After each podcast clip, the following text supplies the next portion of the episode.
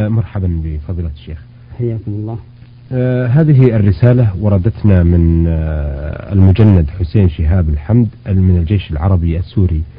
يقول في رسالته السلام عليكم ورحمة الله وبركاته. وبعد وعليكم السلام ورحمة الله. وبعد أخبر سماحتكم بأني أو بأن وقعت نفسي في إحدى الشدائد أو بما يسمونها محنة تؤدي لقتل النفس.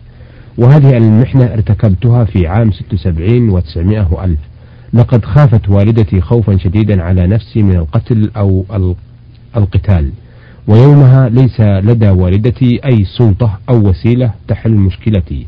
فمن شدة خوفها علي آه، جعلت في ذمتها صيام شهر ما عد ما عدا شهر رمضان. من كل سنة تصوم شهر من عام 76 تتابع صيامها لحد الآن. وأنا الحمد لله رب العالمين لقد نجيت من هذه الشدة بسلام. ووالدتي لقد تجاوز عمرها الأربعين سنة فالآن أصبحت تصوم شهرين منهن شهر رمضان المبارك. هذا هذا فرض والثاني اليمين التي في ذمتها من طرفي. فما المبرر التي يبررها من صيام هذه أو هذا الشهر؟ الحمد لله. قبل أن نجيب على هذا السؤال نحب أن نبين لإخواننا المستمعين أن النذر مكروه. بل إنه محرم عند كثير من أهل العلم لأن النبي صلى الله عليه وسلم نهى عنه ولأن الإنسان يلزم نفسه بما لم يلزمه الله به ولأن الإنسان ربما لا يستطيع أن يفي بهذا النذر نعم. لعذر حقيقي شرعي أو للتهاون ويكون في ذلك خطر عظيم عليه. كما في قوله تعالى ومنهم من عاهد الله لئن آتانا من فضله لنصدقن ولنكونن من الصالحين فلما آتاهم من فضله وحصل لهم ما علقوا عليه هذين الأمرين الصدقة والصلاح لما آتاهم من فضله بخلوا به يعني فلم يتصدقوا نعم. وتولوا وهم معرضون فلم يكونوا من الصالحين. نعم لله. النتيجة والعقوبة فأعقبهم نفاقا في قلوبهم إلى يوم يلقونه بما أخلفوا الله ما وعدوه وبما كانوا يكذبون. نعم لله.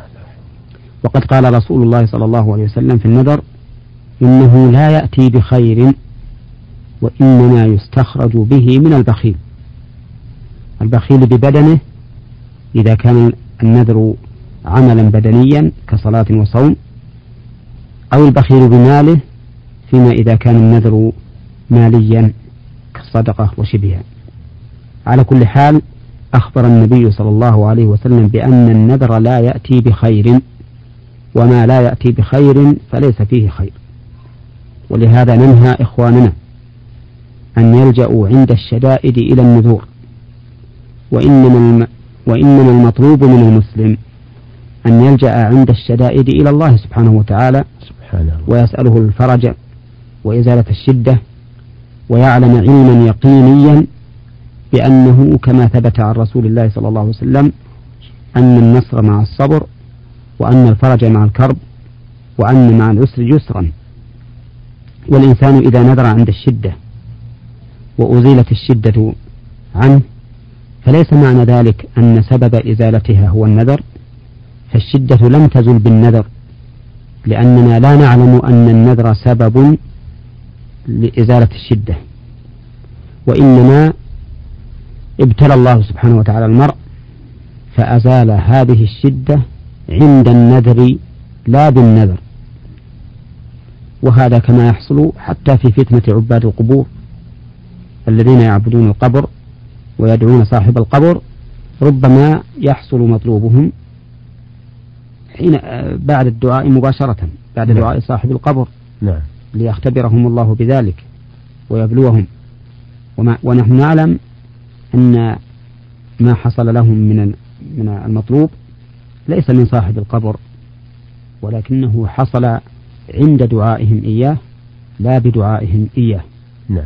على كل حال بعد هذه المقدمة نرجع إلى الجواب على هذا السؤال. نعم. فأمه التي جعلت في ذمتها والذي يظهر أنها جعلت ذلك بصيغة النذر. نعم. بأن بأنها نذرت أن تصوم من كل سنة شهرا لإزالة هذه الشدة. فإننا نقول لها يجب عليها أن تفي بنذرها. لأن الصوم طاعة لله سبحانه وتعالى. وقد قال الله سبحانه من نذر أن يطيع وقد قال النبي صلى الله عليه وسلم من نذر أن يطيع الله فليطعه. فيجب على المسلم إذا نذر طاعة سواء كان نذرا معلقا على شرط كهذا النذر نعم. أو غير معلق يجب عليه أن يوفي بنذره إذا كان طاعة لله عز وجل. ونسأل الله أن يعينها على ما أزمت به نفسها. آه طيب مثلا إذا عجزت لكبر سنها ألا يسقط عنها النذر كما يسقط عنها صوم رمضان؟ إذا عجزت لكبر سنها فإن يعني لا في الشتاء ولا في الصيف عجزت؟ نعم.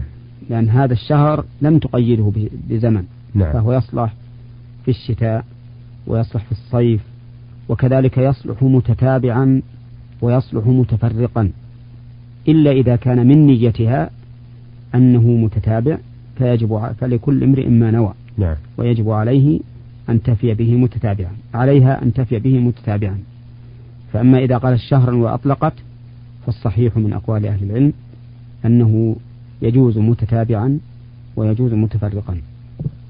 لكن إذا عجزت لكبر كما سألت فالظاهر أنه يجب عليها ما يجب على العاجز عن صيام رمضان نعم. بمعنى أن تطعم عن كل يوم مسكينا نعم. لأن الواجب بالنذر يحذى به حذو الواجب بالشرع إلا ما قام الدليل على الفرق بينهما فيه نعم نعم. آه ما هي صيغة النذر التي آه، يجب على الإنسان الوفاء بها هل يسبق ذلك حلف أو مثلا يقول علي أن أفعل كذا وكذا هو صيغة النذر ليس له صيغة معينة نعم. بل كل قول يدل على التزام العبد بالشيء لله فهو نذر فإن قرنه باليمين صار يمينا ونذرا نعم. صار يمينا ونذرا نعم. نعم. طيب لو مثلا نذر شخص إذا رزق مثلا بأولاد أن يقدم مثلا ثلاثة آه، ثلاث مثلا ذبائح ولم لأن هذا السؤال ورد للبرنامج أكثر من مرة لكنه لم يعين هل يعطيه للفقراء يقول مثلا إن رزقت كذا وكذا ذبحت كذا وكذا. نعم. هل يجوز له أن يأكل منها أو يجب عليه أن يوزعها بكاملها؟ في هذه الحال يسأل عن نيته. نعم. فأحيانا يكون الرجل نوى بهذا النذر إظهار الفرح والسرور فقط. نعم. كما يظهر الفرح والسرور بالقادم ويذبح له ذبيحة. نعم. فهذا النذر حكمه نذر مباح. نعم. بمعنى أنه يخير بين أن يفعله ويأكل منه هو وأهله وأقاربه وجيرانه وبين أن يكفر كفارة يمين. نعم. يعني هذا هو القاعدة في نذر المباح. أن يخير الإنسان بين فعل ما نذر وبين وبين كفارة اليمين. نعم وأرجو لإخواني آه، المتمسكين بالعربية أن لا ينكروا علي إدخال بين هنا بين العطف والمعطوف عليه نعم. لأن لكل مقام مقالا وأما إذا كان هذا الذي نذر إن رزقه الله ولدا أن يذبح شاة مثلا نعم. إذا كان نيته أن يذبحها شكرا لله عز وجل على هذه النعمة فإنه يحذى بها حذو الصدقة فتطعم للفقراء والمساكين. نعم. أين. أحسنتم. أه السؤال الثاني للمجند حسين شهاب الحمد من الجيش العربي السوري يقول فيه أسأل سماحتكم الكريمة من آه، طرف قراءة القرآن الكريم آه، لأنني أحاول على إتقان القراءة لقراءة القرآن الكريم بل يصعب علي ترميز القراءة وينبغي أو ويبقى يحدث معي آه، التأتأة في القرآن الكريم وليس لدي أحد من الناس يعلمني الترميز. فهل أتابع بقراءتي في القرآن أم غير جائزة؟ وكل عام وأنتم بخير والسلام عليكم ورحمة الله. وعليكم السلام. آه، القرآن الكريم يقرأه الإنسان بقدر ما يستطيع كغيره من الطاعات نعم. فاتقوا الله ما استطعتم نعم. فيقرأ الإنسان بقدر بقدر استطاعته إذا كان عنده معرفة للحروف وإقامة لها بقدر المستطاع وفي هذه الحال إذا كان يشق عليه فإنه له أجر أجر التلاوة وأجر المشقة فالماهر بالقرآن مع السفرة الكرام البررة والذي يقرأ القرآن ويتتعتع فيه وهو عليه شاق له أجران كما جاء ذلك في الحديث عن رسول الله صلى الله عليه وسلم. نعم. فنقول لهذا الأخ استمر في قراءتك. ما دمت تعرف أن تقرأ وبقدر ما تستطيع أقم الحروف وبقدر ما تستطيع لاحظ الرموز والمواقف الصحيحة. وليس عليك شيء وراء ذلك. أحسنتم. هذه الرسالة وردت من المملكة الأردنية الهاشمية جرش مخيم غزة يوسف إبراهيم ويوسف إبراهيم طبيب بيطري. يقول في رسالته حضرة الأساتذة والمشايخ معدي ومقدمي نور على الدرب والمشرفين عليه حفظهم الله ورعاهم والباذلين للجهد الصادق في إعداد وإخراج هذا البرنامج الذي هو علامة من العلامات البارزة في برامج الإذاعة. وكذلك قراءات في صحيح البخاري رضي الله عنه ومن سير الصحابة ومسائل ومشكلات وأدعو إلى سبيل ربك وغزاة العقول وناشئ في رحاب القرآن الطفل المسلم. أه، بل هو البرنامج المثالي من البرامج حقا إن لكل برنامج نكهته, نكهته الخاصة به وأن لكل لحلاوة وأن على كل لطلاوة أما بعد فإني أتوجه لفضيلة الشيخ المعالج ببعض الأسئلة وهي أولا ما رأي فضيلتكم في رؤية نقطة أو نقطتين من الماء الأبيض الرقيق تنزل قبل نزول البول عندما تكون كمية قليلة؟ وأحيانا أخرى تكون هذه الرؤية بعد الاستيقاظ من النوم دون تذكر أي رؤية في أثناء النوم وأيضا بدون ظهور أي شيء على الملابس الداخلية وهل لون الملابس له دخل في الحلم؟ بل أحيانا أخرى تكون الرؤية بعد أداء أكثر من فرض بوضوء واحد وبدون الشعور بلذة أو نظر أدى إليها يبدو لي أن هذا ليس ناتجا عن شهوة أو نعم. تذكر نعم. كما قاله في آخر السؤال وعلى هذا فإن هذا الماء الأبيض الرقيق لا يعتبر مذيا نعم. ولا منيا نعم. وإنما هي رواسب فيما يبدو في قنوات البول وتتعقد على هذا الوجه وتخرج قبل البول وربما تخرج بعده أحيانا. فعليه يكون حكمها حكم البول تماما. نعم. بمعنى أنه يجب آه، تطهيرها وتطهير ما أصابت ولا يجب أكثر من ذلك. أحسنتم. سؤاله الثاني يقول ما رأي فضيلتكم في الآتي؟ قالت زوجتي وهي غضبانة حرام على علي ربنا إذا أنت نزعت شيئا من زينة إحدى قطع ملابسها فتركت ذلك العمل. وأحيانا تحلف بهذه الصيغة.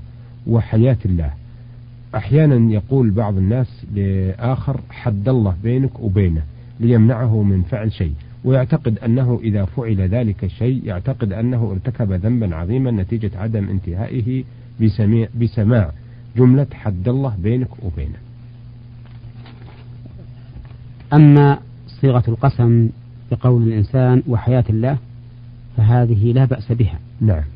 لأن القسم يكون بالله سبحانه وتعالى بأي اسم من أسمائه ويكون كذلك بصفاته كالحياة والعلم والعزة والقدرة وما أشبه ذلك. فيجوز أن يقول الحالف وحياة الله وعلم الله وقدرة الله وعزة الله وما أشبه هذا مما يكون من صفات الله سبحانه وتعالى. كما يجوز القسم بالقرآن الكريم لأنه كلام الله نعم. وبالمصحف أيضا لأنه مشتمل على كلام الله سبحانه وتعالى نعم. وأما قولها حرام علي ربنا فإذا كانت تقصد أن الله حرام عليها فهذا لا معنى له ولا يجوز مثل هذا الكلام لأن معنى هذا التحريم هل معناها عبادة الله حرام عليها أو ما أدري وش ما هذا الكلام. نعم. أما إذا كانت تريد حرام علي هذا الشيء أو حرام علي ألا تفعل أنت هذا الشيء وتقصد بربنا أي يا ربنا فهذا لب... هذه صيغة تحريم نعم. صيغة لتحريم الشيء. والشيء إذا حرم وقصد الإنسان به الامتناع عنه صار بمنزلة اليمين. كما قال الله عز وجل يا أيها النبي لم تحرم ما أحل الله لك؟ تبتغي مرضاة أزواجك والله غفور رحيم. قد فرض الله لكم تحلة أيمانكم. نعم. فجعل هذا التحريم يمينا. وقال قد فرض الله لكم تحلة أيمانكم. فالرجل أو فالإنسان إذا قال هذا حرام علي. أو حرام علي ألا يفعل. ألا أفعل كذا. وقصده بذلك الامتناع من هذا الشيء. قصده بذلك الامتناع من هذا الشيء فحكمه حكم اليمين بمعنى أن نقول كأنك قلت الآن والله لا أفعل هذا الشيء نعم. أو والله لا ألبس هذا الثوب أو والله لا أكل هذا الطعام وعلى هذا فما دام الزوج ترك الملابس التي حلفت عليه بهذا اليمين فإنه ليس عليها شيء ليس عليها كفارة يمين نعم. لأن زوجها بر بيمينها وإذا بر المحلوف عليه باليمين لم يكن شيء على الحالف وأما بالنسبة للصيغة الثالثة الله حد بيني وبينك نعم. فهذا كأنه من باب الاستعاذة بالله عز وجل نعم.